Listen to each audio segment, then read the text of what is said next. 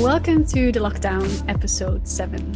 My name is Sanna Raggers and I'm here today with Jeremy Krolsmith. Uh, and our guest of today is Henner Busch. Uh, he is a researcher at Lund University in Sweden at the Department of Human Geography and the Center for Sustainability Studies. Um, so, the corona crisis has been compared to many crises from the past. It's been compared to the Spanish flu, to SARS, to AIDS, and the financial crisis of 2008. Um, but today, however, we compare it to a crisis that we're right in the middle of that is the environmental crisis, the, the climate crisis. Um, many parallels have been drawn between how the corona crisis um, might actually be a pressure cooker, more urgency driven version of how we are dealing and will deal in the future with the climate crisis. And in both cases, politicians have blatantly ignored, ignored science based advice of experts so there's this huge disconnect between science and political decision making. But we also see that um, the impact of both crises are undeniably discriminatory and their consequences are deeply unequally and unfairly distributed, damaging those who already are vulnerable most and first. And its solution requires fundamental systemic change. But besides the similarities um, between how these crises are developing, these are also crises that impact one another. So we can see that, uh, on the one hand, the origin and development of viruses such as these is actually connected to how we currently engage with the natural world and the species in it. So we can see how unsustainable practices regarding animal handling contributes to the situation that we are in now. On the other hand, this very situation is actually considered a chance to address environmental issues, such as that the International Energy Agency recently said that the prospect is that the world will actually use 6% less energy than the year before, which is actually an equivalent to losing the entire energy demand of India. At the same time, though, many consider it the classic case of what Naomi Klein would call disaster capitalism, in which a crisis is used to push, used to push through legislative or otherwise changes that would usually meet great resistance, such as the recent bailout of the oil and gas industry in Alberta. So it's very clear that there are many levels on which these two big topics are connected. And today we try to unravel some of that. Um, and I'm not doing that alone, I'm doing that with Jeremy and Henner. Uh, but before we introduce Henner to you, um, Jeremy, do you have some thoughts to share uh, on this topic and some other recent uh, events? Yeah, uh, thanks, Sanna. I, I do. Um, yeah, as you mentioned, this this recording will be talking mainly about uh, the environment, environmentalism. Um, but I I think we can't carry on without um, briefly mentioning um, the events in the United States, um, the rebellion of the movement for Black Lives after the murder of George Floyd. So first of all, I think uh, we should share our solidarity and love to all the people on the barricades facing down the deadly police uh, violence and the crackdown. Yeah, so we'll be giving this topic um, the, the attention it deserves uh, in a future recording. But for now, I think I'd like to share um, what we can learn from uh, from this movement and from the events happening and un- unfolding as we speak in the U.S. and around the world. Namely, um, the idea of the negotiation by riot. So this might seem like a strange concept, but bear with me. Um, yeah, I want to I want to um, run through what what this uh, rebellion has achieved uh, within uh, slightly more than two weeks at the point of this recording, and what the black president and the black attorney general have not been able to achieve after two terms. So uh, yeah, I, uh, I, found this list online somewhere, and I'll share it uh, uh, in the in the show notes. But I'm just going to read a few a few points that have been been achieved so far. So George Floyd's killer has uh, was fired, uh, arrested, and charged with um, third degree murder. Subsequently, the charge was upgraded, and the other three cops involved as accomplices were also charged. General consciousness around policing and racism has shifted dramatically, with 54% of Americans supporting the protests and the burning down of a police uh, precinct. This makes burning down of a police station more popular than both Trump and more popular than Biden. a veto-proof majority in the Minneapolis Police Council has uh, pledged to take steps to disband the Minneapolis Police Department. This would not abolish the police in Minneapolis, but it is a tremendous opening for the struggle to reduce policing and institute alternatives. The Minneapolis School Board has ended the, contact, uh, the contract with police, a victory for um, the wider cops out of school movement, something that is a thing for some strange reason in the United States, as well as um, uh, other um, institutions have uh, broken ties with police, including University of Minnesota, Minnesota Parks and Recreations, Portland, Oregon Public Schools.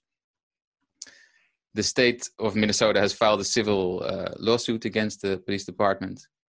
Mayors of Los Angeles, uh, the mayor of Los Angeles announced that the city's police budget would be cut by 100 to 150 million to be reinvested in um, better conditions for black residents.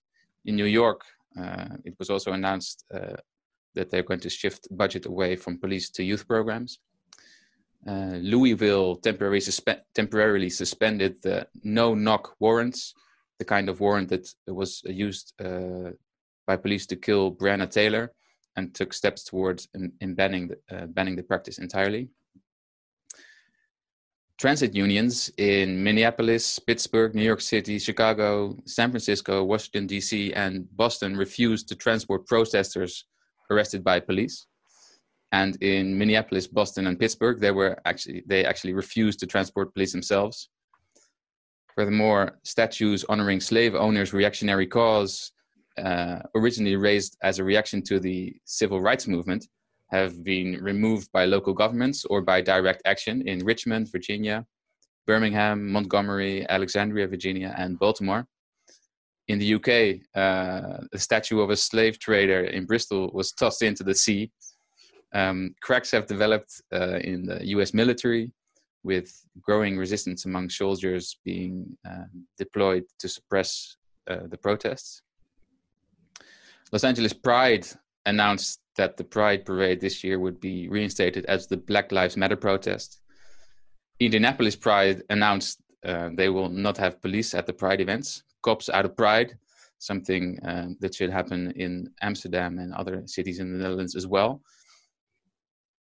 National, the National Football League has made a decision to allow the kneeling protest by players, something that's long overdue.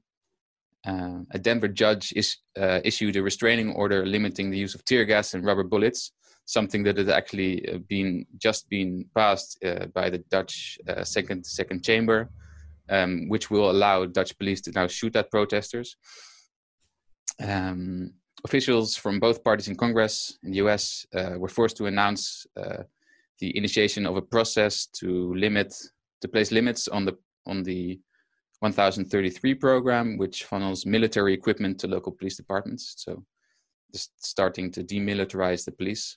And last and least, the Fuji Fuji bikes suspended the sale of bicycles to police departments. what a victory. So for those of you in the Netherlands where we're, we're recording this uh, that think that this is a uniquely American affair, think again. Um, our preeminent scholar of Dutch radical movements, Dennis Bos, has often talked and written about this the idea of negotiation negotiation by riot and how it has shaped and formed uh, progressive movements in the Netherlands um, in the last few centuries. Environmental environmentalists can learn a lot from these events, especially um, those that like to get on their high horse and extol the virtues of purely non-violent protests. Yes, I'm thinking of you, Extinction Rebellion. Anyway, on to my next topic. I want to talk about a scary tendency in the green movement um, that has been gaining steam since the, uh, the onset of the coronavirus, namely the idea of the human virus. So this is a common trope that you can read all over the place, and it's not uh, it's not marginal at all. It's uh, pushed by large philanthropic institutes like the Bill and Melinda Gates Foundation and prominent environmentalists like Richard Attenborough. You might you might have heard similar ideas and lines in uh, the new Michael Moore documentary, Planet of the Humans. Aside from other problematic aspects of this film, uh, which I won't go into here. Um, one of the central messages is this the humans are the problem. There are too many of us. We are the virus. In the context of the corona crisis, we've all seen memes about nature restoring itself. Uh, thanks to corona, finally, nature is fighting back. As, as long as uh, humans get out of the way, nature will, which will, will find a way. On the surface, of course, this, this seems like a nice thought, but underneath festers a very nasty assumption about human nature and about the real causes of our problems. Humans seem to be the problem. Humans are the virus. Their message is clear. The biggest problem of our time is that there are too many people on this earth. This way of thinking is also called neo Malthusianism. So, what's wrong with this thought? It lays the blame at our, uh, for our problems at the feet of human nature, of at civilization's door. It gives our economic system and the current institutions um, and sorry, it gives it lays the blame at the feet of human nature, of civilization, and gives our economic system, the current institutions, and violent history a pass. Of course, it's also racist as hell because uh, it's not that there are too many white people. No, no. It's the Africans that are breeding too much and it's killing us all. This is complete bullshit, of course. If you look at the facts, there is enough food to go around. It's just our economic system that doesn't distribute the food according to need, but according to means. If you have the money, you get fed. If not, it's your own fault. You know, you should have should just have started your own microfinance business and pulled yourself up by your own bootstraps instead of choosing to starve. What's killing us, in actual fact, is our economic system, which makes it more profitable for iPhones to last for two years uh, through planned obsolescence than to make it real durable products. What's killing us is nature, uh, seeing nature as a resource rather than something we humans, rather than something we human animals are an integral part of. What's killing us is an econo- economic system that needs endless growth or dies. This system is starving people to death each year, sacrificing them and on the altar of economic common sense, and then blames, blames those same people for, um, by telling them they should just have made less babies. And by some coincidence, the problem, the problem people all seem to be black or brown, not those living beyond uh, the limits uh, of, of nature, um, of the planet in the global north. If we look at the footprint on the natural environment of rich countries in the north, and compare it to developing countries, uh, the root of the problem is clear. It's us and our economic system, capitalism, that we forced on the rest of the world through conquest, genocide, and assimilation. In conclusion, the human virus is a right wing myth that has always found sympathetic, in the, sympathetic ears in the more misanthropic tendencies in the green movements. We should reject it for what it is a racist and reactionary straw man that, if not countered, will lead the green movement down a road to eco fascism and away from a society where humans learn to live in harmony with our environment. So think about this. What's the one thing that's worse than a right wing climate denier? A right wing climate activist. So. Thanks for sharing your thoughts, uh, Jeremy. I think it's it's very clear that we at the moment are in many crises at the same time right? And you can see how they are very connected, how racism is connected to the climate crisis, uh, for example. Mm-hmm. Um, so it's um, it's inter- interesting and very important to see that these are not isolated events that are actually very connected. Um, and we're going to talk about some of these connections uh, today with Henner as well. So um, Henner Busch is, uh, as I said, he's a researcher at uh, Lund University, and uh, has an interest in uh, energy justice, energy transitions, and also um, urban climate um, management uh, and governance. Um, so, Henner, welcome. Hi, thanks Hi. for having me today. Hey, how are you uh, handling the corona lockdown?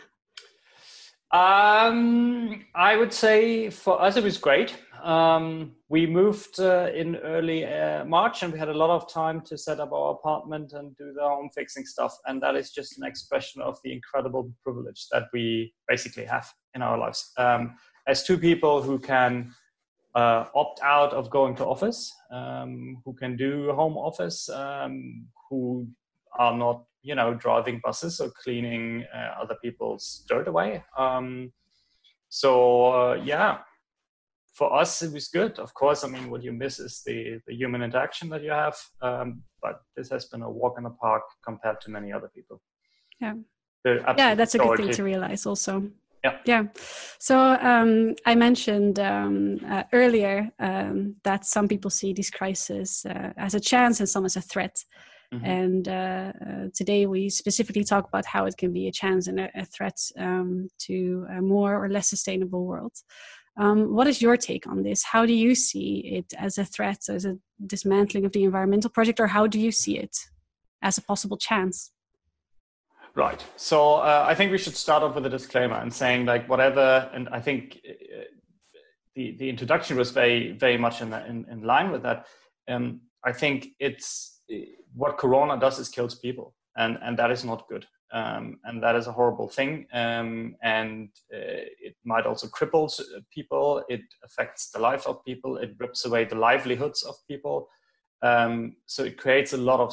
So um, human suffering and if we, in the next, I don't know, 45 minutes or, minutes or so, say something about this being a chance or this being um, something positive or having positive um, side effects, we always have to keep this in mind, right? So, uh, in its basis, in its essence, it is something very, very destructive that none of us can, with a good conscience, in any way endorse. Yeah, I completely um, agree.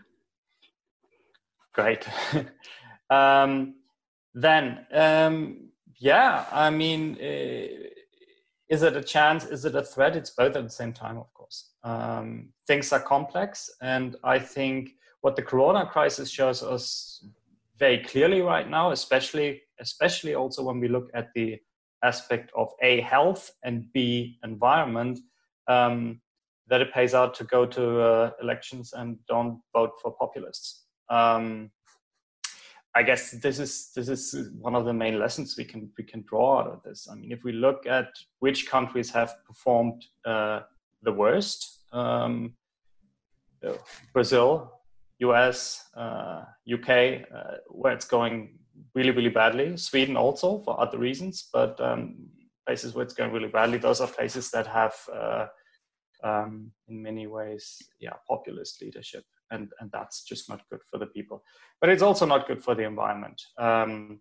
and this is i think very much related to the question of how do we respond to this crisis right um, the more populist your government is i guess the, the, the shittier the crisis response will be hmm. how do you see this translating in um, environmental um, projects that have been um, started or legislation that has mm-hmm. been passed before and how is it impacting that now? Right. Um, so, I mean, if we, for example, look at the at the United States, we see that the Trump administration has, of course, used the, the current situation to dismantle a lot of uh, environmental legislation um, from the Obama era. It seems I read uh, read an interesting article about that. It seems that this is a private revenge project by Donald Trump to take revenge on Obama and dismantle his political projects, and part of that is the environmental legislation that has been passed. Um, we see the same in Canada, where we had the energy minister of Alberta saying, well, this is the ideal time to um, push the construction of all pipelines and, and push fossil fuel product, um, projects because at this time um, there will be less attention devoted to it. Um, so, yeah, there's definitely a threat um, in terms of legislation that might be um, um, dismantled during this time.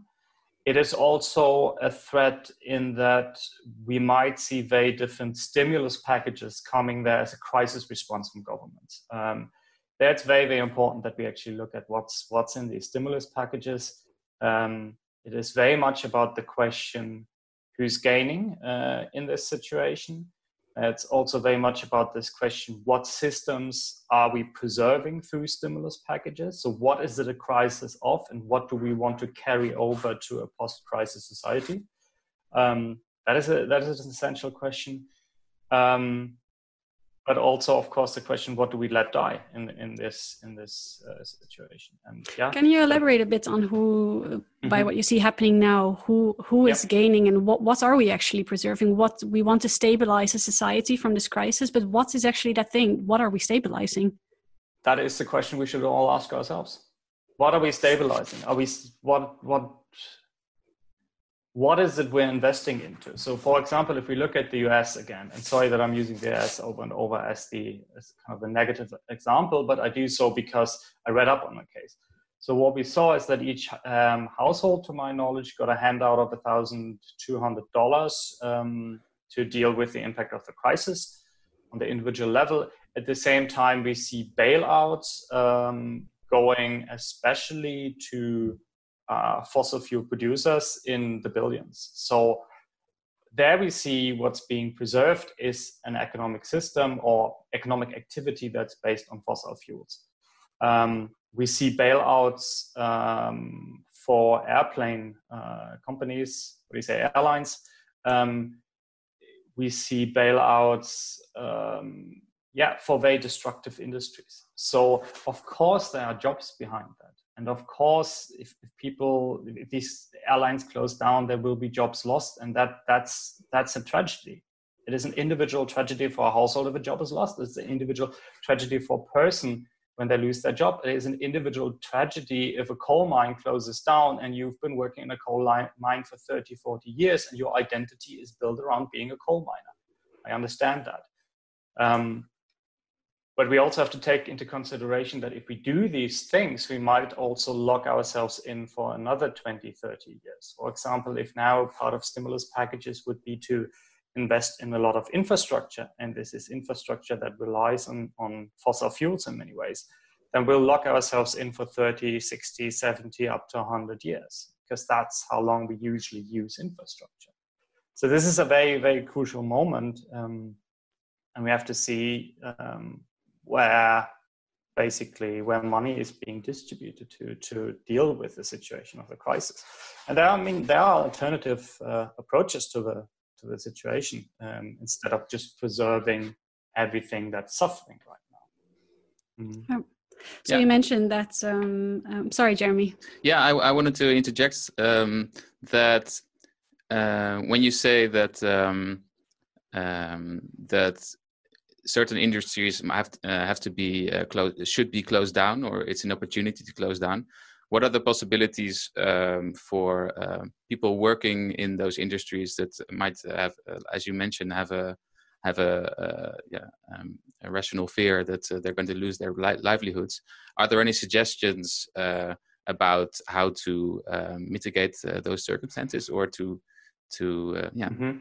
to think about their interests as well as the interests of the environment Right. And I think we, we have to think about the interests of these people. We have to think about the interests of the people working in the automotive industry or in the um, in the coal mines, because if we don't, then we'll you know we get the bill next election. Um, and yes, of course. I mean, one thing is of course that if we look at the comparison between the jobs that are related to um, fossil fuel industry compared to the jobs that are related to renewables, there is much more jobs in renewables. So it's much more labor intense. That also makes the whole thing um, in many ways more expensive. At the same time, we, we, we, it makes it also cheaper. Okay, what do I mean by that? What I mean by that is, of course, it's complex, right? what I mean by that is that um, um, fossil fuels have a lot of costs that we usually don't take into the equation. Fossil fuels are subsidized. Yes, they're subsidized by tax money that directly goes into into infrastructure that directly goes into the companies, but they're also in many ways subsidized um, that are not that clear. So the first one, of course, is pollution.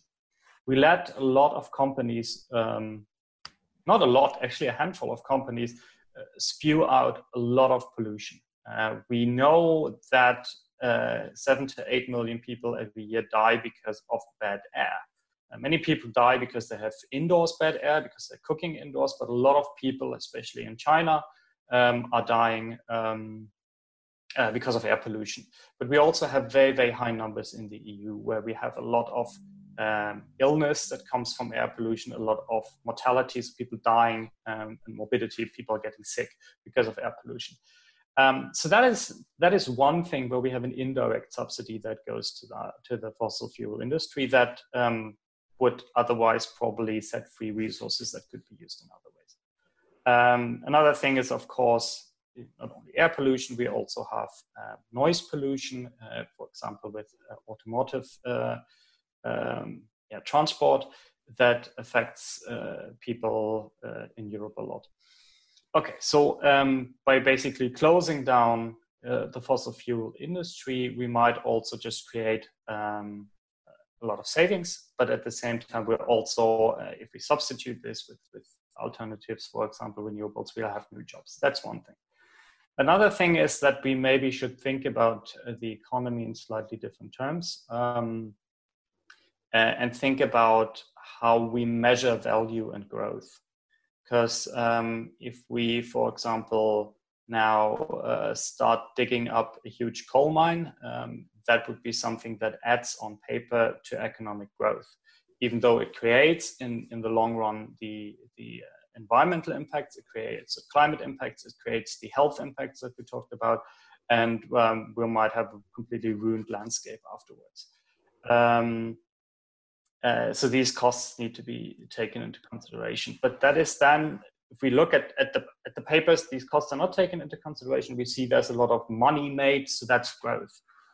So there are alternative concepts that we could focus on. First thing is, of course, to focus on degrowth, which or other kinds of growth. Um, so saying, okay, maybe it may make sense for our economies um, and to measure the success of our economies and to measure the success of our countries, not in terms of GDP, but in alternative measures. There's, for example, the Human Development Index that could be taken into consideration. And if we, for example, take that, we would see that, yeah, well, for example, the US, um, even though it experienced economic growth in the last years, it has at the same time in, uh, experienced increased um, child mortality. It has uh, experienced lower life expectancies, and so on. So if if we would change our way how we measure success of an economy, that would be already a first step to really understanding that um, maybe just taking these steps is a good thing for society as such. Still, it doesn't help with the jobs that are being lost in the fossil fuel industry. But another thing would be maybe a focus on what we in economic circles call the foundational economy, meaning we don't focus on these big companies that produce some things. We don't focus on these big fossil fuel producers, but what we maybe focus on our communities. So we make sure that there are jobs in healthcare. We make sure that there are adequate jobs in education. Um, we don't try to only go for a, a false sense of efficiency um, of saying, well, now teachers can use, you know, electronic means in their education, so it's fine if there are 35 students in their class instead of 15. Um, so a focus on these aspects could also be something that might create a lot of jobs. So then, if we think about the, um, you briefly mentioned them already, the economic stimulus packages. Mm-hmm. Um, they're they're obviously targeted at at stabilizing and stimulating an economy that is uh, not at all based yet on these alternative ideas of growth. Do you in any way see um, the economic stimulus packages as they are being pushed through now and presented as a solution now? Do you actually see them contributing to uh, any form of more sustainable world than we were before this crisis hit? Mm-hmm. Um, yes, so I have to say I'm positively surprised. Um, I, it's far from being in any way sufficient. It's far from you know what I dreamt of. Um, but I have to say I'm positively surprised. The first thing was, of course, the European Commission um, saying, "Well, we're going to go on with really, really big uh, stimulus packages," and saying at least articulating the ambition that this is going to be green. If it will be green in the end, that will be the result of a lot of um, negotiations but it's great that they make this uh, ambition explicit right from the beginning. How much money um, there will be in this and how this is going to um, work out in the end remains to be seen, but I think I see the ambition and that's good. The biggest surprise, though, was um, I have to say when the stimulus package of Germany was announced.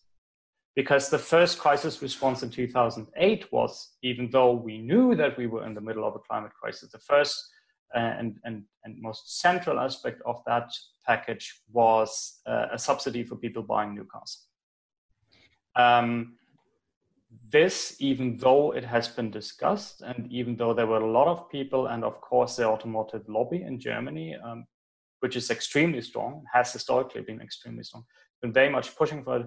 It was on the table. It didn't make it into the stimulus package, and I find that very encouraging. I have to say. Um, again, the German package is not in any way sufficient in terms of what we would need for a, a, a proper sustainability transition.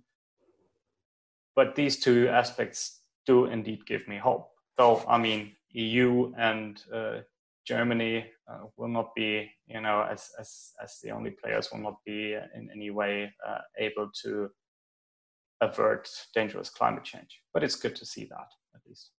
Yeah, yeah. You mentioned the 2008 financial crisis. Uh, that's not so long ago, um, mm.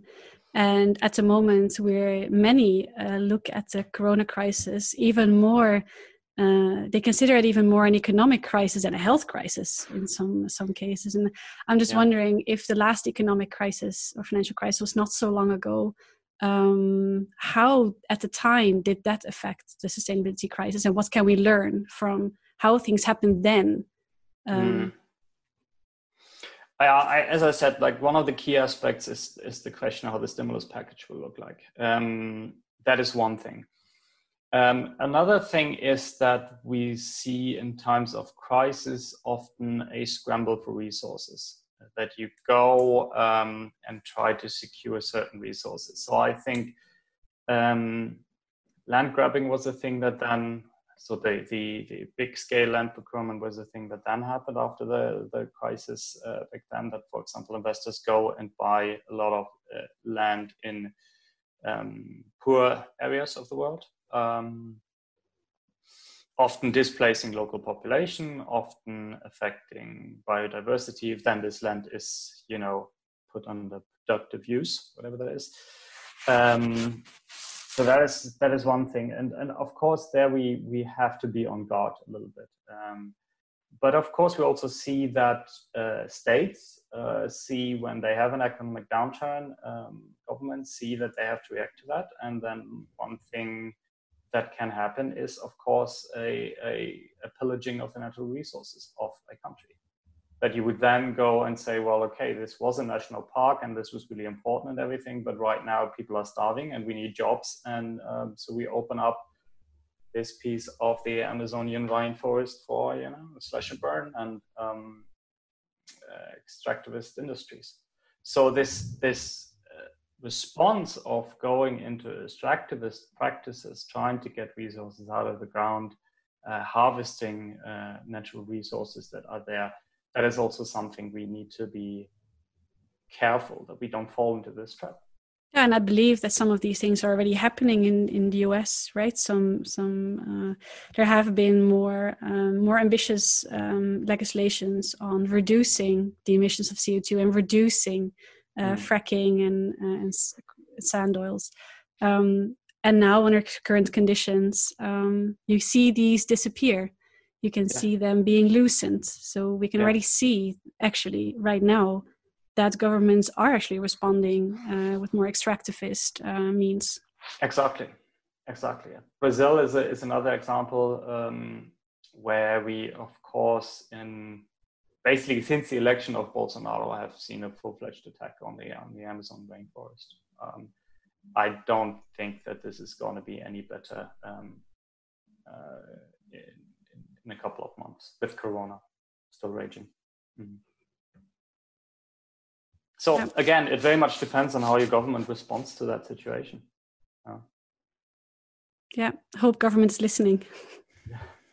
Um, so, but then looking at things that governments do or mm-hmm. have proposed actually already before the Corona crisis, like the European Green Deal, deal mm-hmm. right, uh, and the Green. New Deal uh, in the US, uh, there's a bunch of them, and um, they were proposed before the crisis. Um, how do you see this? Is this in any way affected or changed by the Corona crisis? Because I mean, this was a deal that was set before. Like, um, commitments have been made. Also in the Netherlands, mm-hmm. the Netherlands has committed uh, to Urgenda's uh, um, uh, proposition to reduce greenhouse gases by 25%. The commitments yeah. have been made. There's this this saying, and I think it comes from a U.S. president, if I'm not mistaken, might be Eisenhower, but I'm not 100% sure. Saying, "Well, um, you know, never miss a good crisis." never miss the chances that come with a good crisis, of course. Um, so it's it's sure. Um, the crisis opens up a window of opportunity. We are during a situation of crisis um, able to impose certain things on people. To um, we see that people are willing to adapt their lifestyles in many ways. Um, the only danger that I see is that with the corona crisis, we're living in this narrative of now we have crisis, and in a couple of weeks or in a couple of months, crisis is over and we go back to normal. Um, and this is also a fundamental difference between the corona crisis and the climate crisis. Because with the climate crisis, it's not that we go through a, a certain period and then we'll be back at normal. Like nobody knows what that new normal can look like in detail uh, of a decarbonized uh, society. So, um, yeah, what was your question again? How this? So basically, so commitments have been made, right? So like uh, the European Green yeah. Deal, and now, as you say, um, uh, we we are in a different crisis that um, creates, on the one hand, more willingness to change things. On the other hand, yeah. it's also used as a good excuse uh, uh, in the same line as never waste a good crisis, it's used as an excuse to push forward other things or to get rid of legislation that was actually uh, yeah. Um, that was actually for the environmental projects So you can just you can see how uh, again how this crisis can be used as a as an encouragement to make changes um, for the better. Yeah. Well, at the same time, it's it's very easily used to kind of um, disguise maybe yeah. um, changes. Well, that everybody can make use of a good crisis, right? can be used for good, can be used for bad, I guess. Yeah. Yeah. So um, I don't know. How do you think about that? Um, well, as I as I mentioned, I I think in as looking at the US, it's mostly been used as a way to um, to distract. I think to distract many eyes from um, getting rid of legislation that was actually very yeah. good, and getting away with bailouts um, that would otherwise not happen yeah um, so that is something that i that i can i can worry about um, definitely mm. Um, and could actually be a waste of a, of a chance to get through this crisis um, yeah. uh, much more sustainably because we have i mean we've seen how rapidly we can make changes right if only there's so many systemic changes that um, that the climate crisis requires um, that have not happened, right? We've been talking about this for decades about the systemic change that should happen, yeah.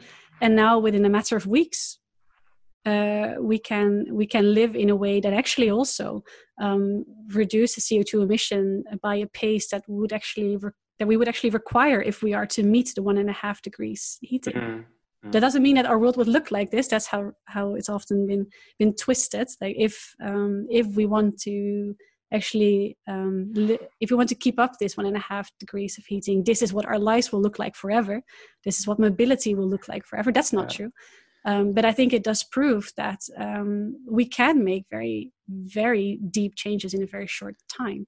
I, th- I think I, I, yeah um, you go. Yeah i think maybe if we look at uh, not so much at how governments are responding to the crisis uh, which uh, as you mentioned uh, Henner, uh, some uh, right-wing governments might might respond uh, with a right, in a right-wing way, and more uh, left-wing governments might uh, might uh, choose their uh, their social pr- programs that they would like to pick, would have liked to push through anyway.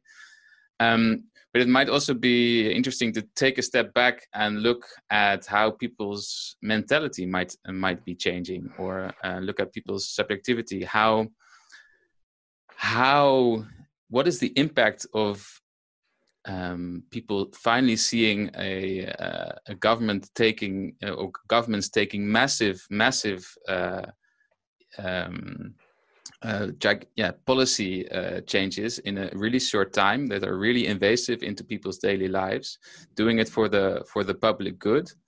Um, what does what does it uh, change in our way we we look at ourselves as individuals and our uh, our roles as uh, individuals in society and at mm. the role of of government in uh, tackling these kind of large scale problems.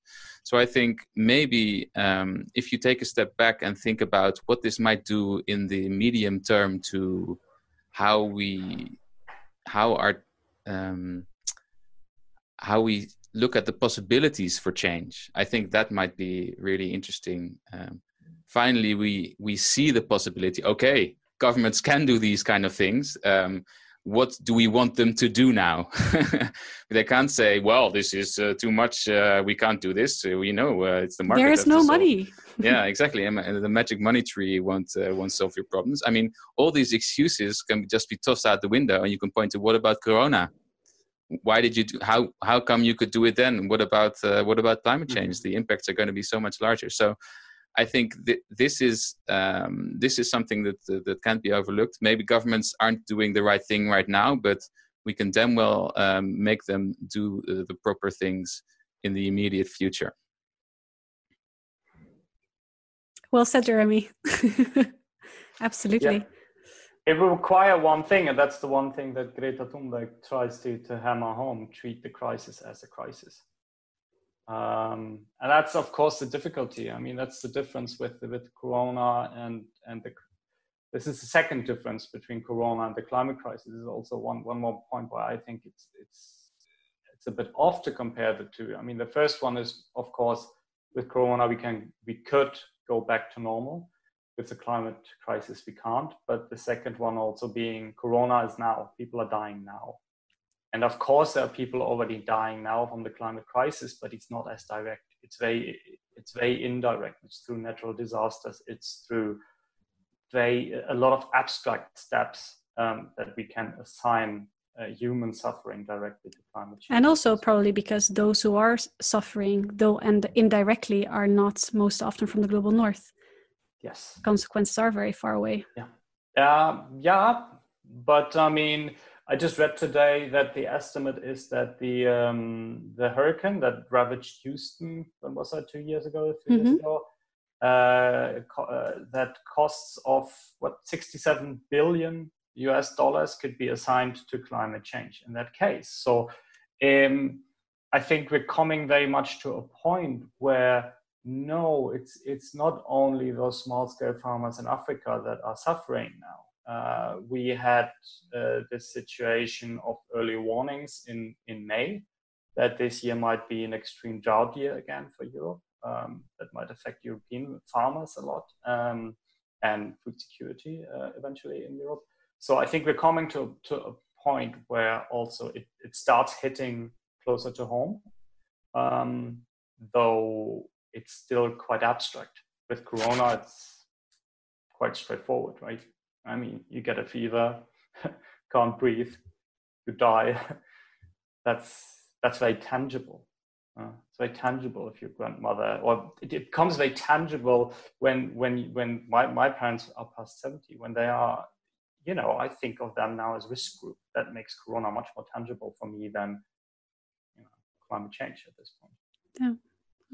Henner, are there any lessons that we can um, we can take from this Corona crisis about how we are or how we are not dealing with the climate mm. crisis? What to you is most maybe most painful and confronting, but maybe also the most um, hopeful?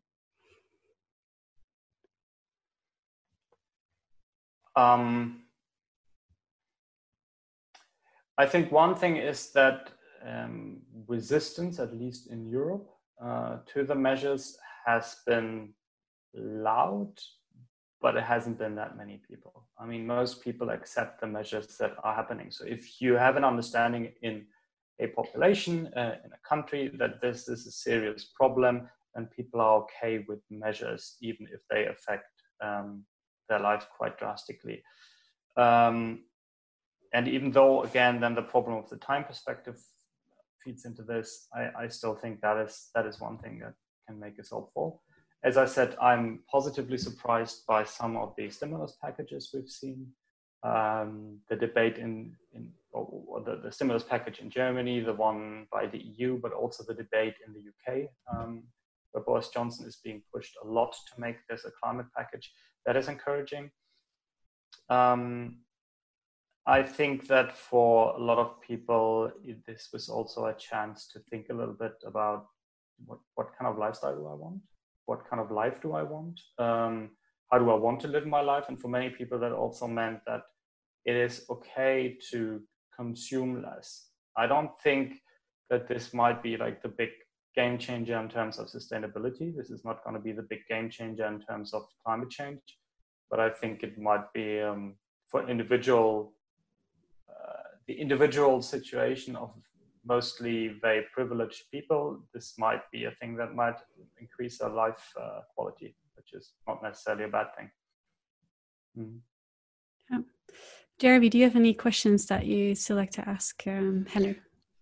Well, I, I was wondering uh, one thing about um, the transition um, mm-hmm. in, in in different uh, in the different policy proposals uh, that that we've been talking about the the Green Deal in UK or in the EU and the. Green New Deal in the US. Um, so, what um, if I'm a, if I'm a, a, worker in the auto industry or uh, in the uh, in the aviation industry? Um, and uh, um, there's lots of talk about yeah there's lots of jobs in uh, in the, in this new budding uh, green uh, green industry yeah. Uh, i might think yeah great but uh, i've been i've been industry in this industry for for years. I'm not schooled in these things. How the hell am i going to find a job in these other other places? Yeah. how how are they how are these people being taken into account um, within these policies? Yeah, um, that is a crucial question. That is a, that's an absolute crucial question. And if we look into the discussions about the so-called just transition, um, um, and these are, of course, political debates that are being held, but also very much academic discussions. Um, but these are also things that, that, that are driven by trade unions, that are driven by NGOs. I think there is a lot of answers that we can find um, we see um, a lot of successes in Spain, where the Spanish government has really dedicated a lot of resources towards facilitating a just transition. When they closed down the coal mines, they didn't just close down the coal mines, but they also focused very much on the people that are working in the coal mines and offering them education, um, offering them other possibilities, putting up uh, programs um, to, you know, create a vision for how these people can live their lives. Um, and that I think is crucial. Um, and I think that is also a thing that that sustainability teaches us. At the core of sustainability is the human. Um, uh, and and making sure that in any sustainability transition we don't only focus on you know emissions but we also focus on on, on the question of human livelihoods human existences human identity behind that that is crucial so i think that there there's some there's a lot of exciting stuff happening around this this um, buzzword of the green of the of the just transition uh, interesting work that's happening in South Africa, which also has a humongous uh, mining sector. Mm. Um, so it very much is a question of how do governments take this up? What do they focus on? And I said again, um, the foundational economy that I mentioned earlier, these concepts, um, a, a, constructive engagement with the ideas of degrowth, all that is something where we can find a lot of answers. Yeah, thanks. Thank you. Thanks. Is there anything that you still like to share with us, Henry, before we um, before you wrap up? I think I waffled a lot, so I, uh, I, I, I now. I mean, it's tough right now. I think I think one thing that is that is very important is that we are um, that we are nice to each other right now uh, in the way how we we have to be firm uh, in how we discuss, but we also have to be kind and nice because people are afraid. Um, people are afraid of losing their jobs. People are afraid of losing their livelihoods and losing their identities, and that is that's existential. Um, so yeah, be kind to each other, but be firm in in you know your points. Good. Thank you so much for um, being uh, on the show, Henner. It was it was great to have you. Thank you so much for having me. Okay. Um, do you like what you see and what you hear? Um, it would help us tremendously if you follow us on Twitter, if you like and subscribe us on YouTube, leave a review on uh, whatever podcast um, channel that you use. Um, and don't forget to follow us on Facebook and, of course, invite your friends and your family um, to watch us as well. That would be a great help for us. Um, Jeremy, what did you think of today? Yeah, I was uh, yeah really interested to hear uh, what uh, what Henner had to say.